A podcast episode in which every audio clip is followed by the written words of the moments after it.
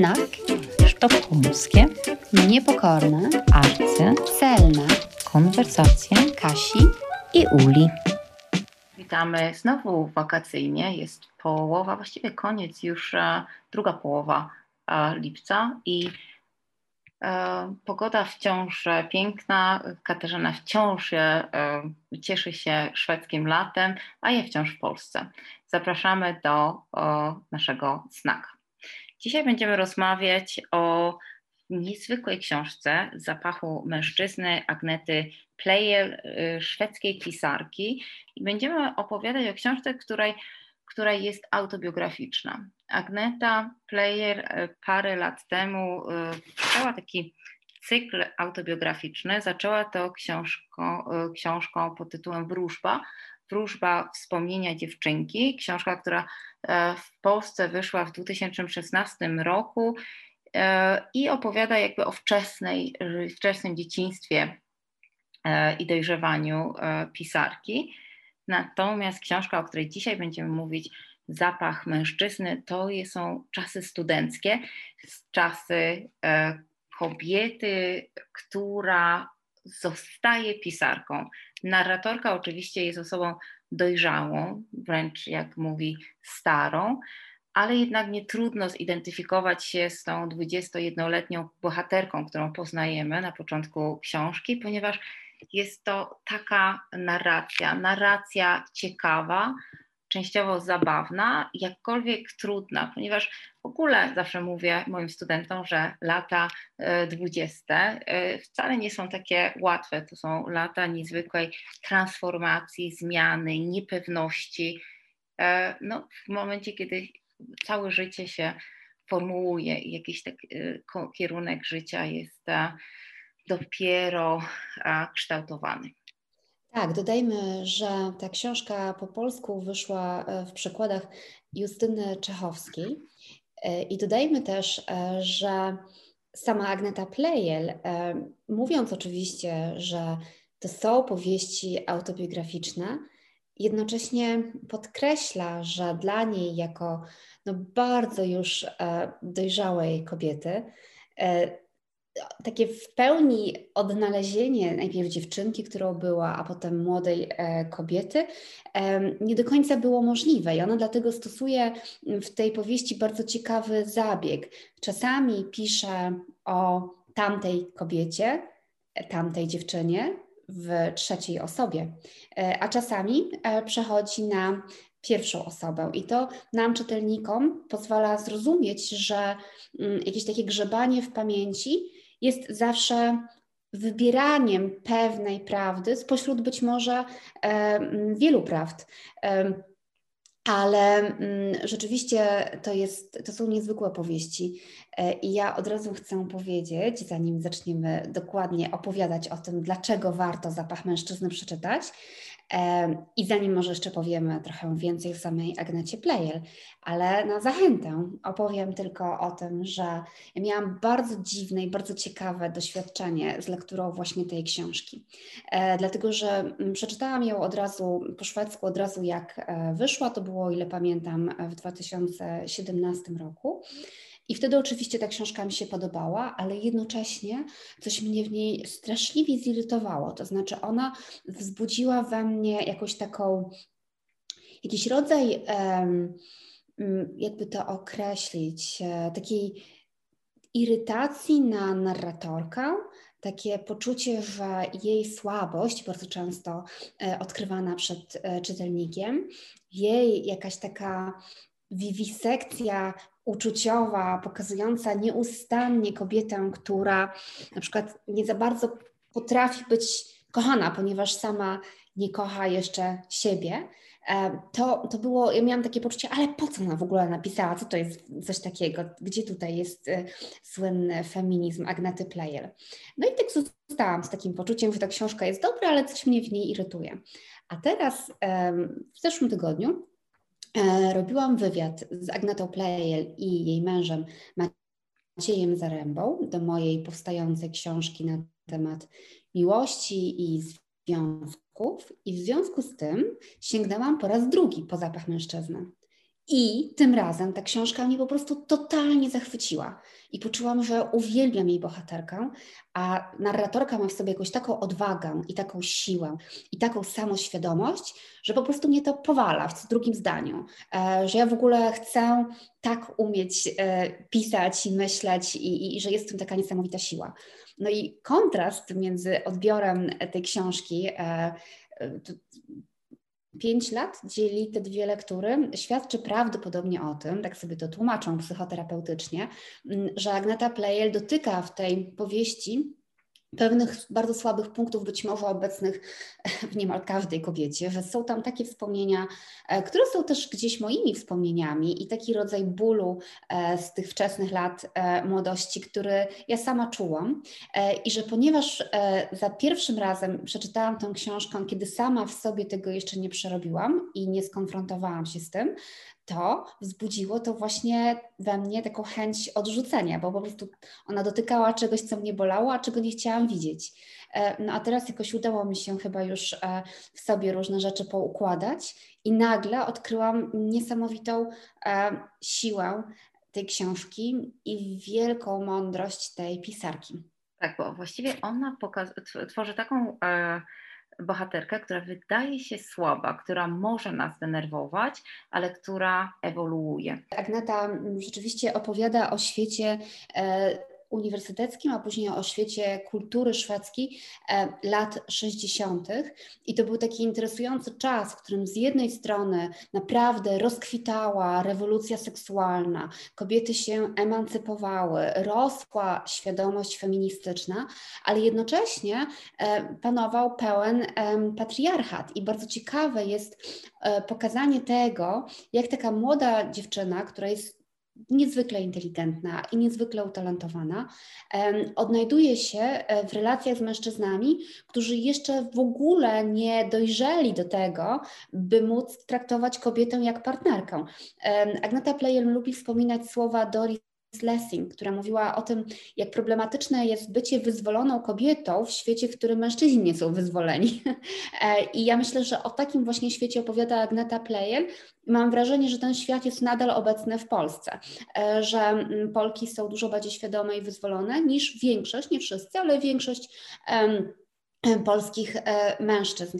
E, w tym sensie opowieść o Szwecji lat 60. E, jest być może jeszcze szczególnie aktualna w dzisiejszej Polsce.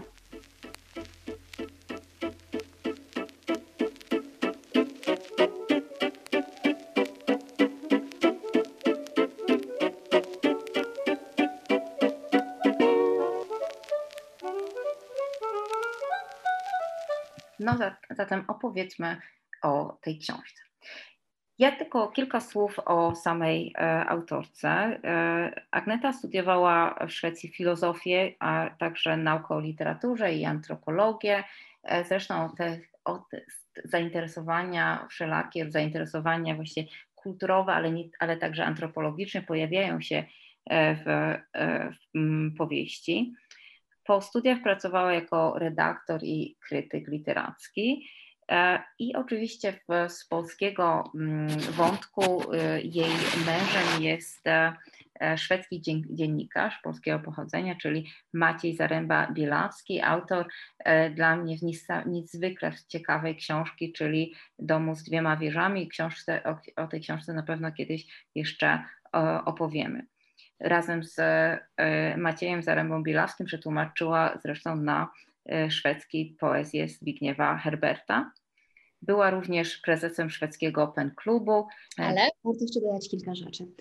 Warto powiedzieć o tym, że mm, Agneta Plejel sama jest też poetką i jako poetka debiutowała, że jest też dramatopisarką, że w latach 70 była jedną e, z pierwszych kobiet w Szwecji, które miały naprawdę ogromny wpływ w świecie kultury, dlatego że była szefową działu kultury Aftonbladet. E, a żoną Macieja Zaręby została mm, już po czterdziestce, bo to jest e, taka mm, para, która wyprzedziła współczesne trendy. E, oni się poznali, kiedy mm, no, Agneta już, już była po pierwszym długim związku, czy po wielu, wielu związkach o których, i kochankach, o których opowiada w powieści, ale też miała już dziecko i była kobietą po poważnym rozstaniu.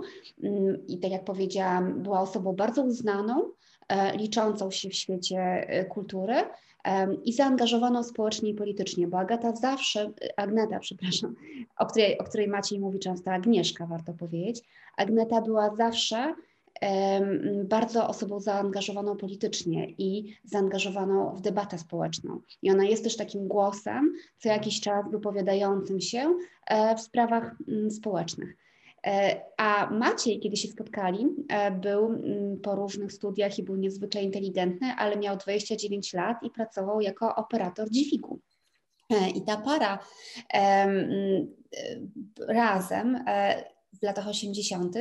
jeździła do Polski i to właśnie kariera PiS, Macieja jako dziennikarza zaczęła się od pierwszych tekstów na temat sytuacji w Polsce w czasie stanu wojennego. E, także to oni są bardzo barwną e, parą i myślę, że sporo od nich się można uczyć, a to, co wspomniałam wcześniej, e, ta myśl o tym, że ona w powieści Zapach mężczyzny opowiada o, o takich relacjach z mężczyznami, w których po prostu nie ma mowy o równości, dlatego że mm, ci mężczyźni nieustannie wpychają ją e, w rolę osoby trochę głupszej, trochę im podległej, trochę wyczekującej e, na ich zainteresowanie nią, na to, by ją docenili, by uznali, że jest piękna i mądra. No powiedzmy sobie, że są to mężczyźni w jakiś sposób niedowartościowani e, i, i zupełnie nie radzący sobie e, z tak ciekawą i silną kobiecością. Ale szczęśliwie Agneta Player spotkała w końcu mężczyznę, który twierdzi dziś, bo tak mówi Maciej Zaręba, że on w życiu wszystkiego, czego się nauczył, nauczył się od e, starszych i mądrzejszych kobiet i że gdyby nie spotkał Agnety Plejel, to byłby dziś zupełnie kimś innym.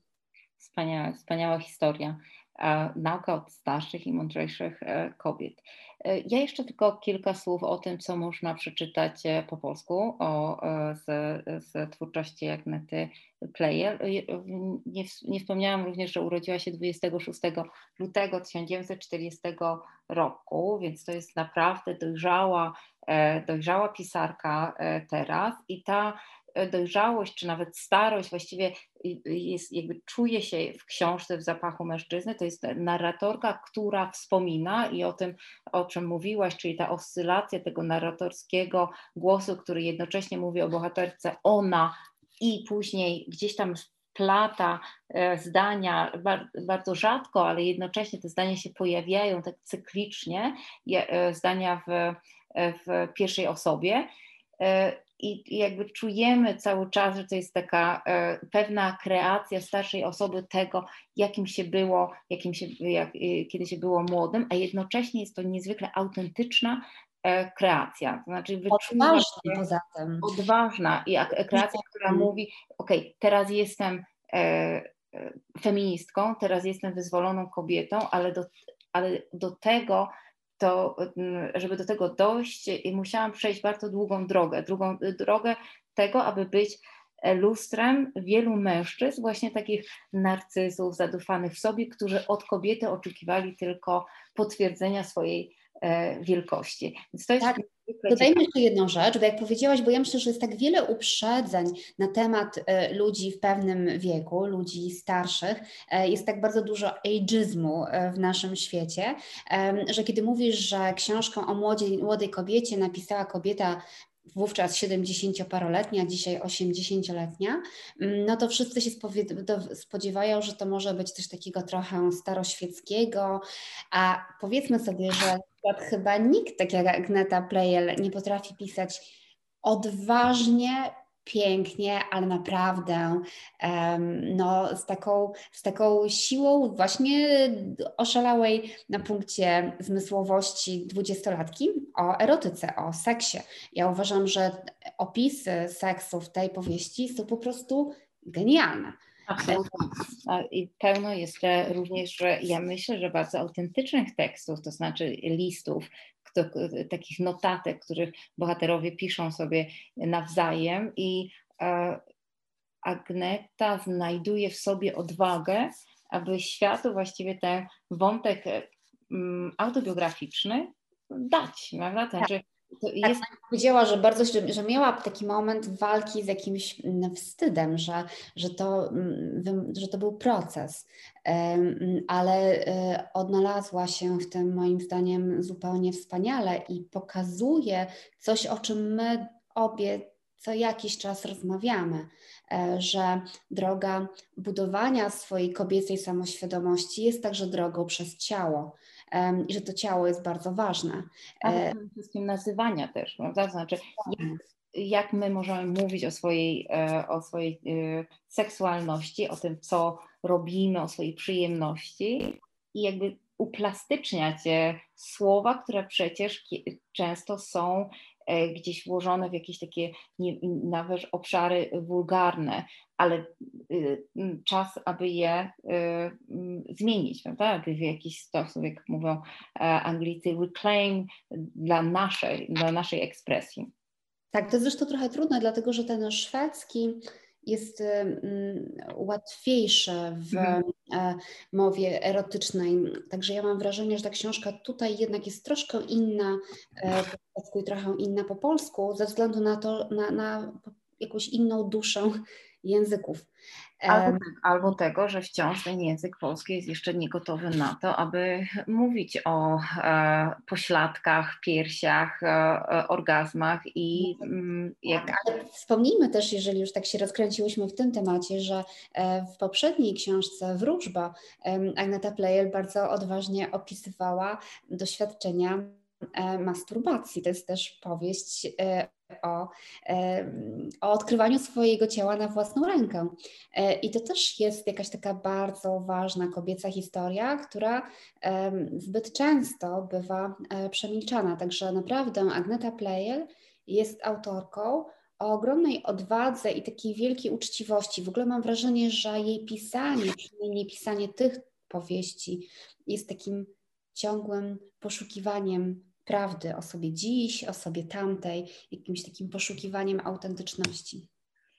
I bardzo się cieszę, że dzisiaj opowiadamy chyba pierwszy raz o właśnie takiej mm, szwedzkiej pisarce i to o tym, co może nam e, dać, e, jakim jest dla nas cudownym, e, cudownym lustrem. Z książek, które możemy przeczytać po polsku, wciąż to Kto zważa na wiatr z, w tłumaczeniu Haliny Tylwe i Zima w Sztokholmie z 2000 roku e, Grażyny Wąsowicz-Ludwigsson. To są dwie tak. książki w, już dawno, dawno temu, które wyszły, e, z, a, a, także Lord Nevermore. I te, ten Lord Nevermore to jest e, książka, która została przetłumaczona w 2003 roku i wyszła w 2003 roku przez Iwonę Jędrzejewską oraz wybór wierszy. To są właśnie te wiersze, które, od których e, Agneta Player właściwie zaczyna. Anioły ze snów i te wiersze są już dawno, dawno e, temu, pojawiły się w latach 90. Czas właściwie tutaj jest e, Tutaj jest też być może dla wydawców jakiś pomysł, aby je wznowić w opracowaniu i oczywiście przykładzie Leszka Enkel Kinga. A o tych książkach, o których mówimy od początku, czyli Wróżba, Wspomnienia dziewczynki i nasz zapach mężczyzny, o którym dzisiaj mówimy, to są e, tłumaczenia Justyny Czechowskiej i e, wydanie e, Charakter, e, wydawnictwa Charakter. No tak, y, zacznijmy, zacznijmy zatem o, naszej, y, o naszym zapachu mężczyzny. Główna bohaterka to jest studentka, 21 lat, y, młoda dziewczyna, tak, tak się zaczyna, ale jednocześnie wiemy od samego początku, że jest to, są to wspomnienia, wspomnienia osoby, która już wie, kim, która, które miłości były prawdziwe, które nieprawdziwe. Właściwie bardzo ciekawe jest ten, ten takie trochę jakby konstruowanie narratora, który nie do końca jest narratorem, któremu, któremu możemy zupełnie ufać, ponieważ na samym początku mamy, wiemy, że prawdziwa miłość przychodzi y, późno w życiu, ale wiemy, ale później dowiadujemy się, że że ta młoda dziewczyna jednak była zakochana. Być może były to jakieś pomyłki, ale ona jak w jakiś sposób za każdym razem w tych swoich takich nieudanych, często takich bufonach straszliwych, tych kochankach jest e, i jakby pokonuje albo mhm. przeżywa jakąś formę, kolejną formę miłości, fascynacji i przez te miłości ona się też formułuje. formułuje. Bardzo ciekawe jest też to, że jako dojrzali ludzie często zapominamy o tym, jaka ważna jest ta, e, ta energia miłości e, dla młodych ludzi, dla naszych, dla naszych studentów, dla naszych e, dzieci, który, którym, którymi tak staramy się narzucić, żeby się uczyli, czytali, tworzyli coś ważnego, podczas gdy miłość jest niezwykle, niezwykle silna, silną motywacją dla nich. Mm, I Agneta to mówi bardzo, bardzo e, wyraźnie. Fajnie, że mówisz e, cały czas o e, miłości, ponieważ możemy dodać, że mm, Agneta Plejel paro, znaczy dosyć jasno opowiada nam o tym, że stara się doświadczać także erotyki, która nie musi być powiązana z miłością, która może być powiązana e, z przyjaźnią. To jest właśnie duch czasu, to jest jej e, proces poznawania siebie. E, to jest także to są także okresy w jej życiu, kiedy na przykład jakaś miłość się e, skończyła i ona staje się nieco autodestrukcyjna e, i, i poszukuje e, przygód. Ale jednocześnie, i wiem to nie tylko z jej książki, ale także z rozmowy na temat miłości, że mm, ona ma takie poczucie, i to moim zdaniem jest widoczne w tej książce, że nawet miłość fizyczna nie powinna być degradowana do tego, by nazywać ją tylko seksem. Jest w tej książce taki fragment, kiedy ona pisze tak: Całe społeczeństwo powinno się zbuntować przeciwko degradacji miłości. Tę widać wszędzie w pornograficznych reklamach, na ulicach, w przemocy w rodzinie. Czy nie jest współwinna? Degradacja miłości nie zależy wyłącznie od niej, ale także od niej. We wspomnieniach epizody ustawiają się w rzędzie. To ten ze Sztokholmu, który po wciągnięciu portek paradował zadowolony po jej podłodze i powiedział: Dzięki, to było dobre dla mojego małżeństwa. Dobre dla jego małżeństwa. Co mu odpowiedziałam? Pewnie, że miło to słyszeć to Amerykanin z Londynu, który zupełnie spontanicznie umościł się u niej i obudził ją w środku nocy, przerażony jej chrapaniem. Musi przestać palić, jeśli nie chce umrzeć. Od, umrzeć. Odparła, że nie ma nic przeciwko umieraniu, a on wziął to za żart. No i dalej ona wymienia jeszcze kilku takich przypadkowych kochanków, poszukując także w sobie przyczyny, dlatego że e, słowo miłość w jakiś sposób się degraduje, ale myślę, że jednak całościowy jakiś taki wydźwięk tej książki to jest opowieść, e, jeżeli chodzi o kwestie związków i erotyki, które rzeczywiście dominują e, w tej powieści, zresztą dlatego ma ona taki, a nie inny tytuł to jest coś takiego, że każde doświadczenie prowadzi ją do zrozumienia siebie, a to rozumienie siebie prowadzi ją ostatecznie do miłości. No tak, bo, e, mhm. bo ja jeszcze tylko wspomnę, że jest taka e, ciekawa metafora, e, miłość jako dół. I mówi, tutaj zacytuję, miłość jako jedyna jest coś warta. Jest także niemal jedyną kwestią, którą, która ją obchodzi. Wykopuje w niej dół a doły nie są znów takie proste. Może to oczekiwanie. Czy istnieje antropologia, miłości? I co powiedzieć o miłości, która poszła w diabły? E, tu jeszcze jedna rzecz, muszę jeszcze wczytać jeden fragment, tak się sobie przerywamy, ale wpadłyśmy e, w stan nakręcenia książką.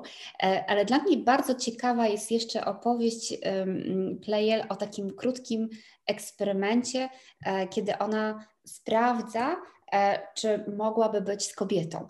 Od razu wytłumaczą, że ten eksperyment nie jest udany, dlatego że ona nie jest homoseksualna, jak twierdzi, ale bardzo ciekawe jest to, co pisze o swoich odczuciach w relacji z bliską przyjaciółką, z którą nagle zaczyna się całować. Ponieważ te słowa w jakiś sposób określają chyba pewien rodzaj jakiegoś takiego egzystencjalnego braku, który odczuwa wiele młodych kobiet. I chyba w tym krótkim opisie, który zaraz przeczytam, Agneta Player samej sobie tłumaczy, dlaczego niektórzy mężczyźni ją odpychają, co takiego w niej czują. I teraz słuchajmy. E, kiedy dotyka Lotti, wie dokładnie, jak tamta się czuje. To jak kochać się z sobą. Zrywa się z kanapy, wstrząśnięta własną myślą, Lotti musi jej wybaczyć. Nie może, nie jest homoseksualna. To najlepsze wytłumaczenie. Niestety nie całe. Jak pijawka, Lotti wczepiła się w jej poczucie winy, które tak łatwo obudzić. Nie chce być więźniem w życiu Lotti, dużo bardziej pogmatwanym niż jej własne. Sypiała z mężczyznami bez miłości, czasem bez ochoty. Z kobietą jest inaczej. Wobec drugiej kobiety nie może być okrutna, ponieważ wie, jak bardzo to boli. Nie chce okłamywać ani innych, ani siebie, a jednak kłamała z uległości, z ustępliwości. A dlaczego nie ma takich uczuć wobec mężczyzny? Bo jest inny, jest nieznanym krajem, krajem, do którego chce się dostać przez granicę. Także tu nagle się okazuje, że, takie, że, że kobieta może być pijawką w tym takim swoim, takiej swojej potrzebie um, zagarnięcia drugiej osoby, ale okazuje się także, że poszukiwanie miłości czy poszukiwanie erotyczne jest poznawaniem e, nowych krajów, jest doświadczeniem, jak powiedziałaś, także antropologicznym. E, wydaje mi się, że to jest bardzo ważny i odkrywczy fragment na wiele sposobów. Y, ta książka oczywiście jest o miłości, ale tak y, też y, nie tylko i opowiada też o całym szeregu różnych e, e, wydarzeń. To znaczy, mnie niezwykle bardzo podoba się delikatność i subtelność, w jakiś sposób Agneta Plejel opowiada też o czasach. Te czasy właśnie historyczne, geopolityczne przejawiają się w takich bardzo niby przypadkowych e, e, zdaniach i ja tutaj zacytuję tylko jeden fragment. Rosjanie właśnie wysłali w kosmos pierwszą kobietę, Walentynę Tiereszkową, trzy, tylko trzy lata starszą od niej. Na co pisarz tak się złości, mu pyta. Cholera, ale ja pieprzę, mówi nagle i zbiera swoje rzeczy, idą w stronę w przystanku, słońce bawi się w źdźbłach trawy, między torami pachnie zieleń, w końcu nadjeżdża tramwaj, wsiadają. Prezydent Kennedy składa wizytę w Berlinie, jest tam tylko 7 godzin, ale zdąży powiedzieć do rozentuzjazmowanego tłumu Ich bin ein Berliner, Stick Wannerström, szwedzki pułkownik, trafia do aresztu podejrzany o szpiegostwo na rzecz, na rzecz ZSRR. I y, widzą, widać tutaj jakby y, codzienność, y, bycie z kimś, rozmowy przeplatają się w jakieś takie niemalże informacje z radia, które gdzieś tam usłyszane, ale jednocześnie są to informacje, które nie tylko opowiadają, który to jest rok, czyli tu w tym przypadku jest 1963, nie tylko pokazują, aha, gdzie, w jakim ona jest wieku, ale też pokazują całą zmianę, y, całą historię y, y, polityczną. To znaczy, że ten świat jest podzielony na, na Amerykę, świat zachodni i świat wschodni, że, i, że ten, te, te olbrzymia, dzisiaj właściwie niemalże nie do, nie do pojęcia E, konkurencyjność między tymi blokami, powodująca, że nagle ważne jest to, kto wysyła pierwszy kobietę w kosmos, jest niezwykle e, istotne i mm, no, trochę waż, wa, ciekawe jest to, że gdzieś tam się przypomina takie historie jak historie Walentyny, zresztą pamiętamy e, piosenki nawet o tej bohaterce z kosmosu, ale ten wątek szpiega z z e, szwedzkiego szpiega, który e, działa na rzecz Związku Radzieckiego. Jest e, tutaj dla mnie nie tyle bardzo ciekawy, ponieważ jest sama właściwie e, mieszkająca w Danderyt, właściwie miałam taką, takie szczęście lub nieszczęście zobaczyć e, i właściwie ktoś mi szeptał przypadkiem do ucha, że e, ta osoba to jest córka słynnego szpiega z, na rzecz Związku Radzieckiego. No właśnie, rzeczywiście ta książka jest bardzo interesującym dokumentem czasu, przy czym no jest to powieść, więc ten czas E, nie jest opisywane w sposób reporterski, nie jest to nachalne, nie jest to przeładowane. Czasami zdarza się na przykład e, w, w kryminałach takich retro, że różne jakieś takie e, informacje o tym, co dzieje się w, niegdyś, są niejako przedobrzone, jest ich za dużo, e, są może zbyt schematyczne, mm, a mam wrażenie, że u Playel, jak sama mówisz, jest to zrobione po mistrzowsku. Generalnie to jest taka książka, e, którą naprawdę warto, warto przeczytać i ją się e, połyka. I mm, jest tak, jak Ty mówisz, że dla wielu ludzi może być to po prostu niesamowicie wciągająca lektura wakacyjna, ale uprzedzam, że jeżeli ma się w sobie, jest się kobietą i ma się w sobie jakieś różne, um, no nie wiem, rany z wczesnej młodości, albo jakieś rzeczy, o których nie chce się myśleć, e, albo jest się na jakąś część siebie zamkniętą, mm, to wtedy ta książka może być także irytująca, jak wspomniałam, e, albo może być wyzwaniem, e, może prowadzić niektórych do wyciągania zbyt szybkich wniosków na temat samej Agnety Player. E, I mogę powiedzieć tak, że jeżeli będziecie czytali tę książkę i właśnie poczu- czy czytały, bo myślę, że to o kobietach w tej chwili mówią, omawiając ten rodzaj irytacji, i poczujecie w sobie coś takiego, to bądź szczególnie uważna, bo to może znaczyć, e, że ta książka chce Wam powiedzieć coś ważnego o Was samych i że warto, bardzo warto się na to otworzyć. Ja mam jeszcze jedną e, wątek, który chciałam z Tobą poruszyć i e, to jest wątek mm, właśnie tych profesorów, pewnych siebie i opowiadających o tym, czym jest prawdziwa nauka, czym jest prawdziwa e, literatura, jak właściwie powinien. I ten wątek taki właśnie genderowy jest niezwykle e, ciekawy. Tu, są dwa, tu nie tylko chodzi mi o tych właśnie takich nadąsanych, ciągle niepewnych siebie, ale jednocześnie e, w jakiś sposób wyzwalających się z tej swojej niepewnej męskości przez ciągłe rozmowy, takie perorowanie cały czas, no jak psiarz, który ciągle, ciągle mówi, prawda, jakby chce zagadać swoją niepewność i nie dopuścić do głosu swojej bohaterki, ale e, szczególnie ciekawe dla mnie są, są ci profesorowie wokół ojca, prawda, i ten ojciec, który w jakiś sposób jednocześnie kochający, ale w jakiś sposób jej jakby obniżający jej wartość, e, trochę przez to, że on jest matematykiem, ona jest e, humanistą, ale jednocześnie w, momencie, kiedy ona roz, słyszy rozmowy ojca i swoich, swoich i jego kolegów, cały czas jest to, to są rozmowy, które w jakiś sposób obniżają wartość młodego człowieka.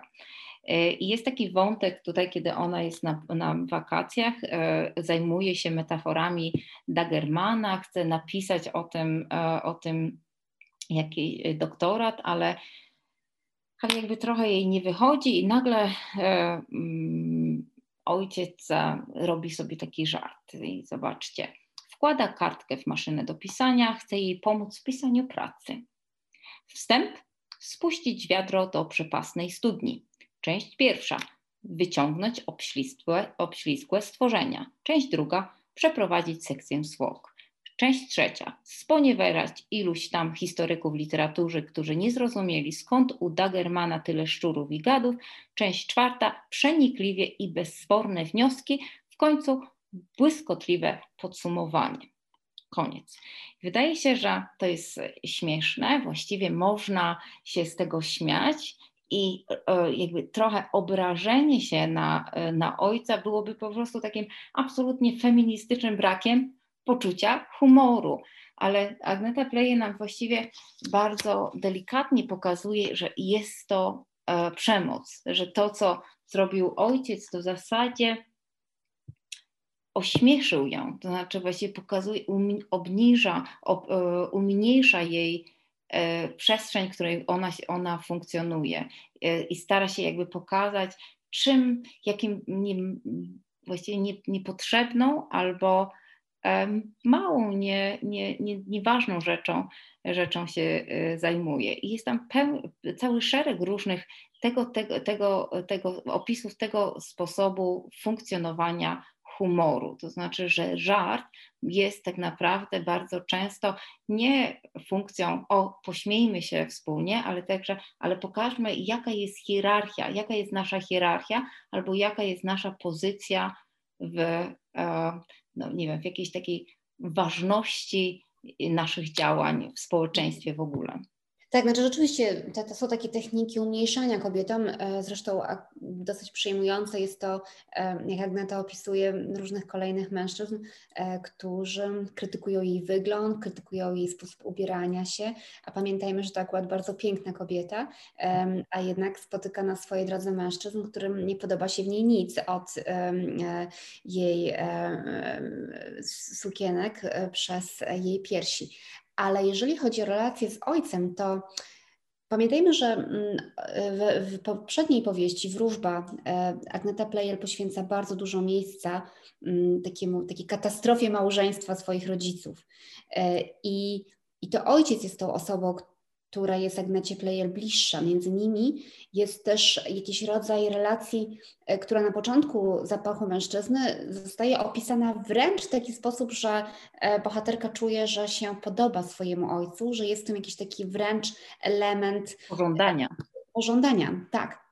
E, I, i, i ta relacja ma w sobie oczywiście cech takich no, typowych relacji pomiędzy mężczyzną, który jest bardzo e, patriarchalnym jeszcze typem e, i córką, która próbuje się w jakiś sposób e, odnaleźć i, i, i być silna, ale ja myślę, że i tak akurat bohaterka Agnety Plejel jest kobietą, która ma największy problem z matką i to przez matkę nie czuje się kochana. I dlatego jest jej trudniej odnaleźć się e, później w miłości. Także mm, ten no, ojciec, jaki by nie był, ale jemu się wiele wybacza. Tak. E, chłodna i trudna i odległa jest matka, e, i to jest ta relacja, która najbardziej boli.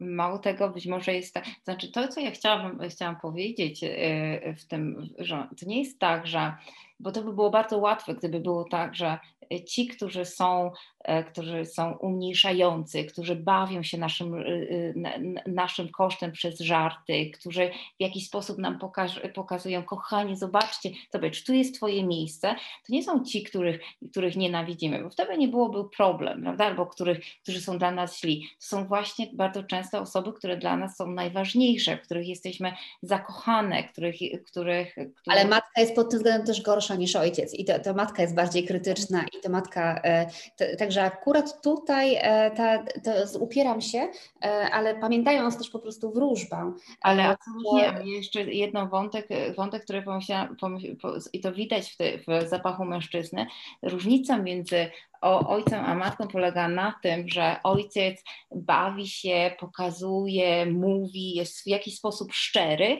i jest jakaś forma negocjacji. Matka nie mówi nic. Jest tam taka historia, kiedy oni są, e, e, kochanek e, głównej bohaterki, główna bohaterka i matka są w, w kilka dni razem na, w, w domku letniskowym i E, wszystko jest wspaniale. Matka jest czarująca, opowiada, właściwie wydaje się, że jest jakaś wspaniała, e, wspaniała atmosfera i w momencie, kiedy, e, kiedy kochanek idzie na spacer, aby odetchnąć, matka wybucha i mówi, jaki to jest bufon straszny, umniejsza cię. Wycieraczkę.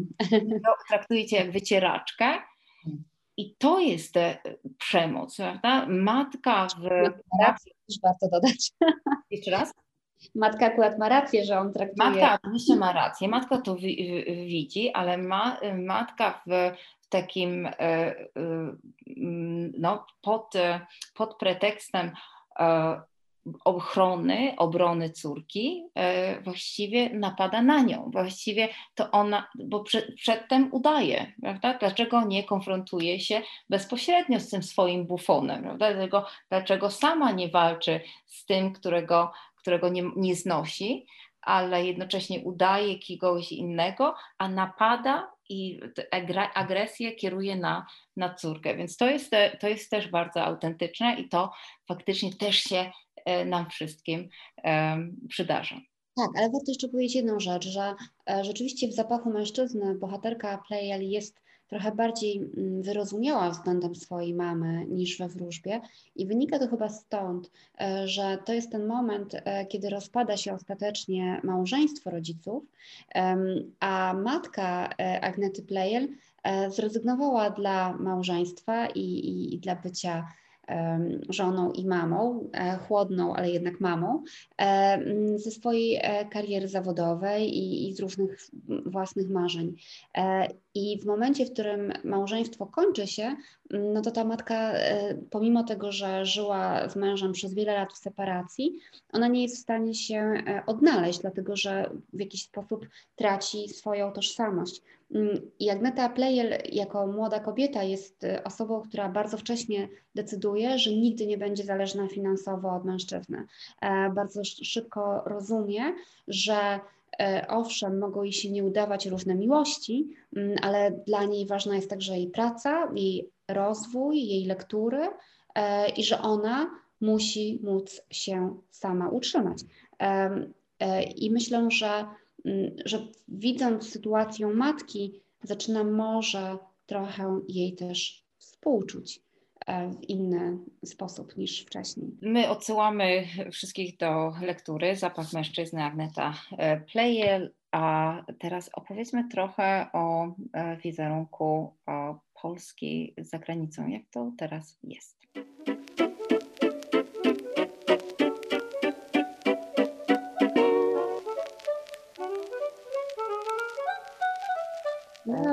Przerażona, e, więc od razu powiem, ponieważ jakiś czas temu napisałam na moim e, Facebooku e, parę słów o tym i to wywołało zresztą dużą dyskusję, ale jestem wyczulona, wyczulona na ten temat także dlatego, że jednak no, przez 6 lat zajmowałam się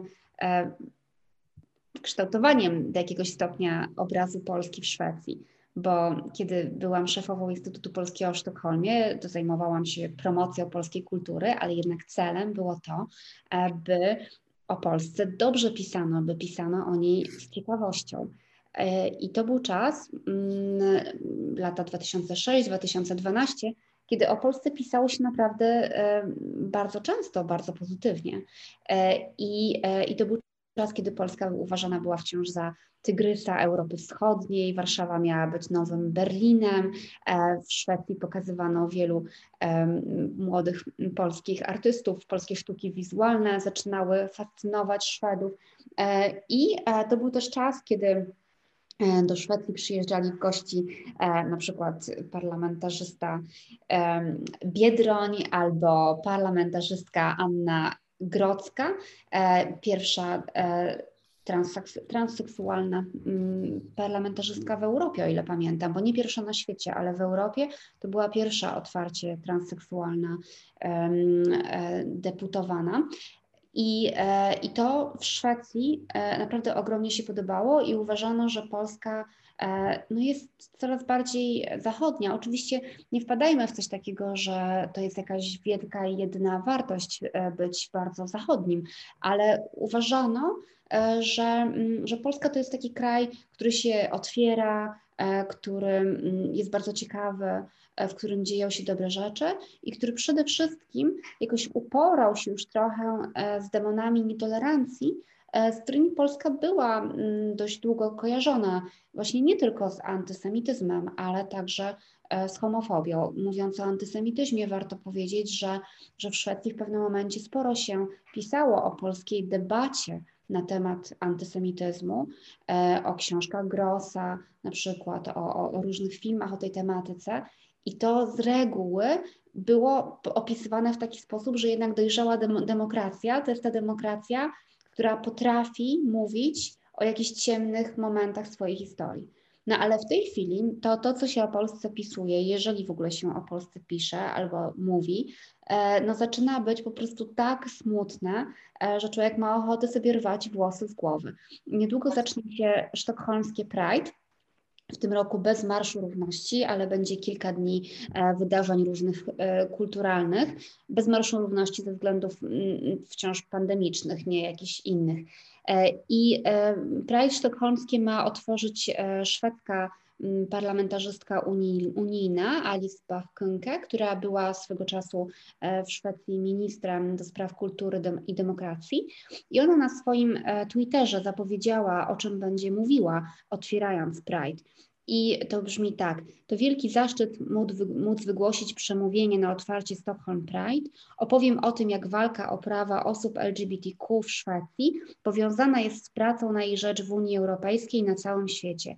Jak my w Szwecji możemy przyczynić się do tego, by otwartość względem osób homoseksualnych, biseksualnych, transseksualnych i queer stała się większa. Na przykład w Polsce, na Węgrzech, w Rosji i w Ugandzie. W tym czasie mniej więcej w SVT Play e, pokazywało e, dokument na temat sytuacji osób LGBTQ w Polsce i wprowadzenie do tego dokumentu, taki tekst towarzyszący filmowi, zawierał informacje o tym, że Polska jest tym krajem w Europie, e, w którym sytuacja osób homoseksualnych jest po prostu najgorsza i osób LGBTQ w ogóle. Ja mam wrażenie, że e, no, nie zdajemy sobie do końca sprawy, jak katastrofalne są tego rodzaju e, wiadomości na temat Polski. Katastrofalne dlatego, że bardzo często ludzie, którzy w ogóle o Polsce nic nie wiedzą, kiedy czytają takie słowa, to zaczynają sobie wyobrażać, że cała Polska jest jakimś potwornym, konserwatywnym, niebezpiecznym krajem. Choć my wiemy, jako, jak wielka jest w Polsce opozycja przeciw takiemu myśleniu, że w Polsce odbywa się coraz więcej marszów równości, e, że jednak środowisko osób LGBTQ jest coraz silniejsze, jest głośne, że ludzie ci nie mają praw, ale jednak cały czas mają głos. Ale ta informacja ucieka i dlatego ja się rozgadałam, ale muszę jeszcze jedną rzecz dopowiedzieć i zaraz to będziesz mówiła o tym, co ty znalazłaś, ale dlatego wydaje mi się, że niezwykle ważne i dla Polski pozytywny był bardzo duży tekst, który ukazał się parę tygodni temu w The Guardian, e, napisany przez Agnieszkę Holland i przez Olgę Tokarczuk, e, w którym to tekście one e, sugerowały, że w ogóle, żeby zrozumieć dzisiejszą Europę, warto patrzeć na jej peryferię, że warto dlatego spoglądać na Polskę i w której pisały o tym, że wprawdzie Polska ma strasznie e, konserwatywny rząd i wprowadzane są e, strefy wolne od LGBTQ od niektórych, w niektórych regionach, ale że jednocześnie jest jakiś wielki e, też potencjał nadziei w tym, że na przykład jak się spaceruje po Warszawie, to na wielu balkonach widać tęczowe flagi, że Pałac Kultury wieczorami jest oświetlany na tęczowo, że jest coraz więcej marszy równości, że jest wielka grupa młodych ludzi, e, którzy są otwarci, są zbuntowani, e, którzy nie godzą się na ten rodzaj nietolerancji. One nawet e, porównują to, co dzieje się w tej chwili w Polsce w, podczas różnych marszy równości z wydarzeniami słynnymi w nowojorskim Stonewall w 1969 roku, takiej rebelii, która właściwie zapoczątkowała taki wielki, no, wielką debatę na temat tolerancji i e, danie ostatecznie ludziom LGBTQ wielu, wielu praw. Także mm, Agnieszka Holland i Olga Tokarczuk założyły w ogóle fundację i zbierają pieniądze na to, by pomagać osobom LGBTQ w Polsce, przede wszystkim różnym organizacjom, które bardzo często nie mają pieniędzy, e, ale uważam, że ten ich anglojęzyczny tekst to, był, to była jakaś taka perła, jakaś taka, jakaś taka no, jakiś taki promień nadziei, e, że Polska jednak jest nadal tym krajem, który kiedyś miał solidarność e, i tym krajem, który kojarzył się światu z walką o wolność. ale poza tym jednym tekstem, to ja mam wrażenie, zwłaszcza śledząc to, co się wpisze w Szwecji, że no właśnie, no porównują nas z Ugandą, nie jest dobrze. Ten e, tekst e, Agnieszki Holland i Olgi Tokarczuk jest o tyle ciekawy, że w jakiś sposób zmienia trochę perspektywę. To znaczy ja, ja z, absolutnie zgadzam się z tym, co powiedziałeś, tak to właściwie takim, takim poście na Facebooku, trochę pełnym rozpaczy, pokazujących, zobaczcie, przez 20 lat ciężko pracowaliśmy nad tym, żeby, żeby Polska miała taki imidż naprawdę tygrysa Europy, który w jakiś sposób pokazuje innym e, krajom, jak warto e, pracować na rzecz właściwie tych e, najsłabszych mniejszości, aby aby jednocześnie stać się silnym krajem, prawda?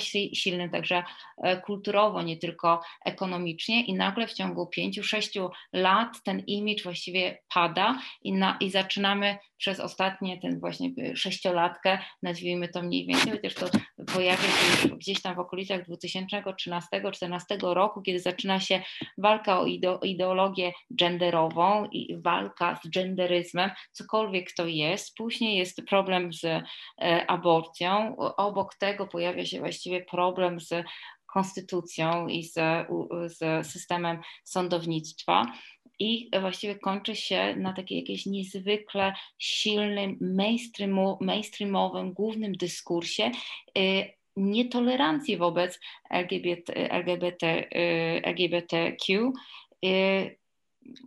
Już nie mówiąc o tym, jak w szkole nagle zabrania się edukacji seksualnej. I, i Polska staje się w jakiś sposób nagle krajem znowu katolickim, w, w tym w tym, w tym wypadku ten, ten przymiotnik katolicki nie ma nic wspólnego z tym, czym bycie katolikiem jest, prawda? To znaczy staje się krajem nietolerancyjnym, jakimś, jakąś, jakimś powrotem do e, średniowiecza.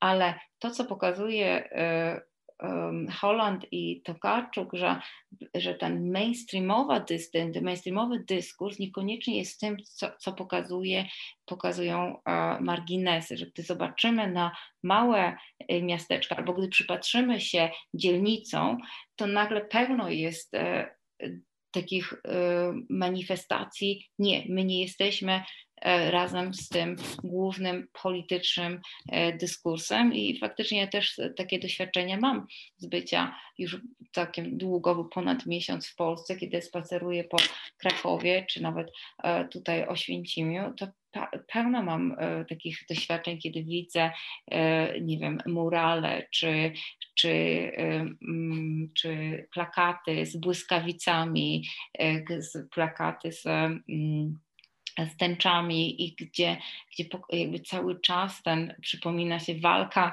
wciąż trwa. A moi przyjaciele bardzo często mówią, w taki, w, mieszkający w Polsce i należący do, e, do mniejszości LGBTQ, mówią, mają wrażenie, że to jest taki czas końca patriarchalizmu i ten patriarchalizm umierający końca bardzo wyraźniej, bo jest, jest to jakaś taka forma, e, forma przerażenia, że e, stary świat, stary świat się kończy. Miejmy nadzieję, że tak jest i miejmy nadzieję, że, że, to, jest, że to jest takie przerażenie umierającego konserwatyzmu.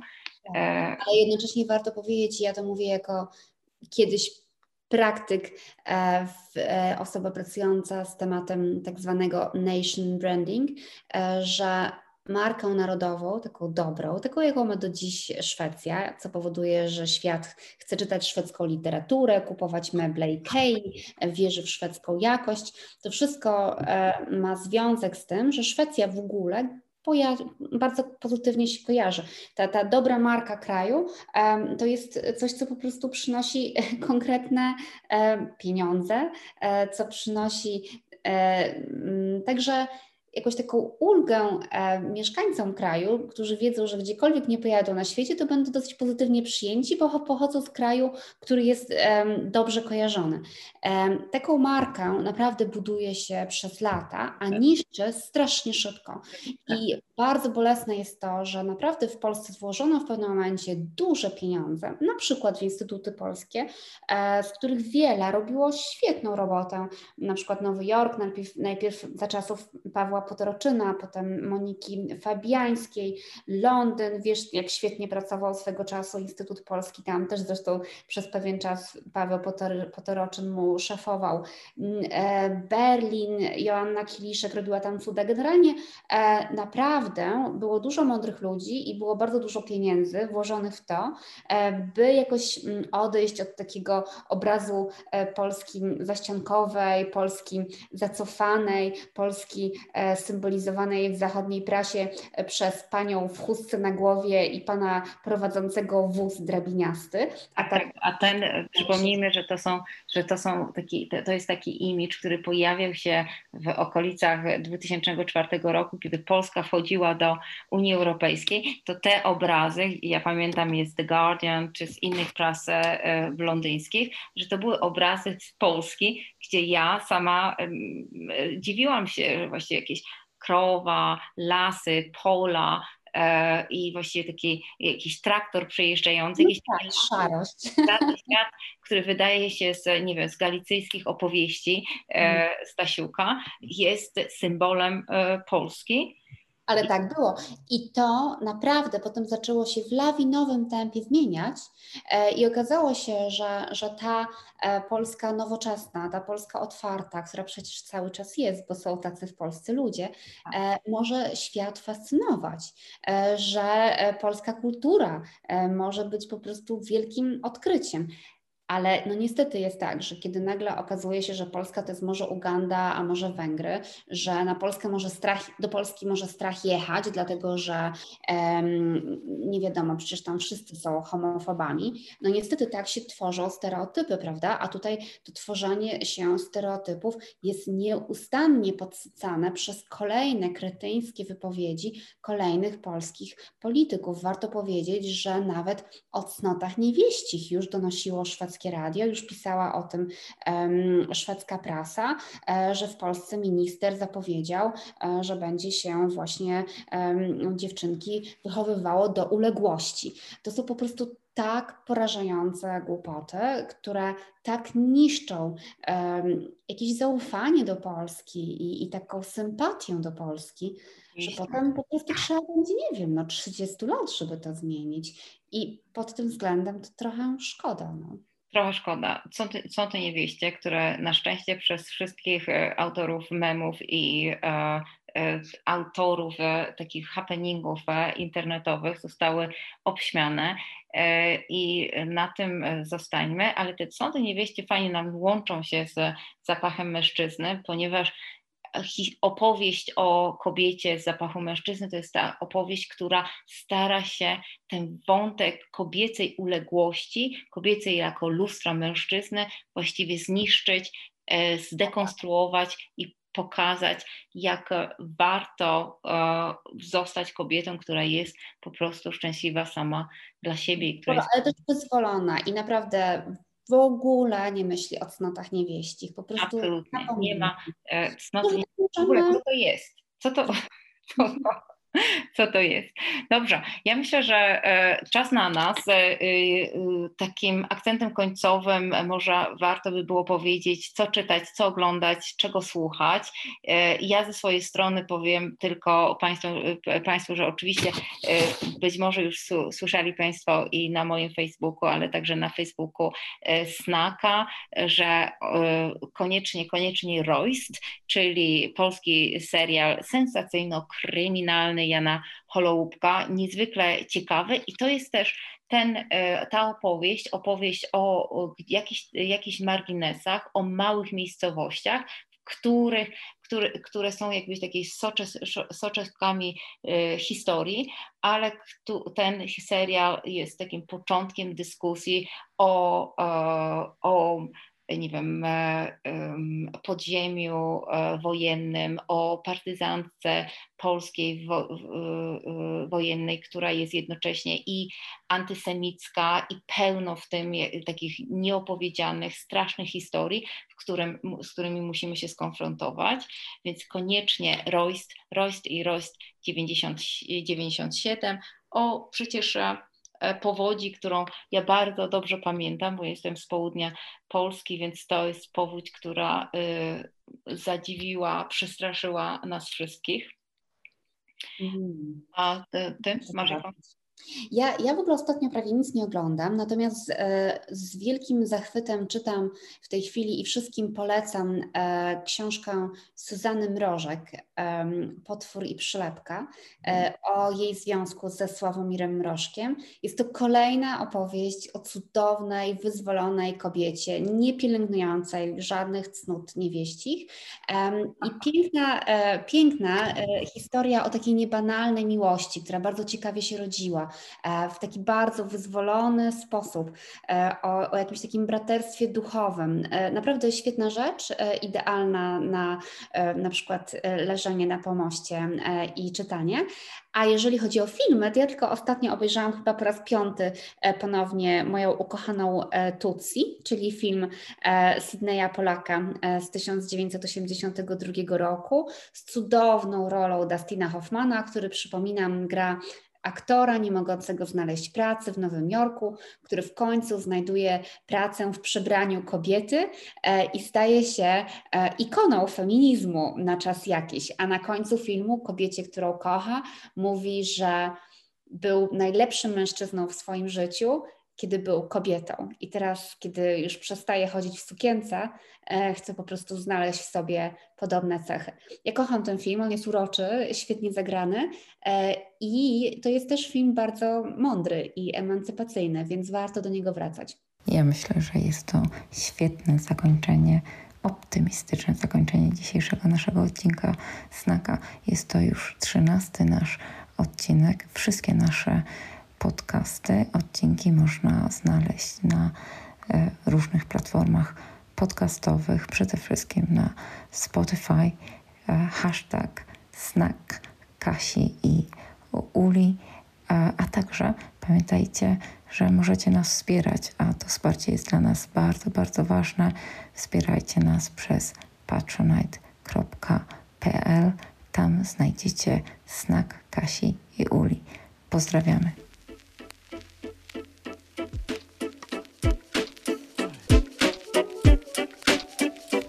Znak sztokholmskie, niepokorne, arce, celne, konwersacje Kasi i Uli.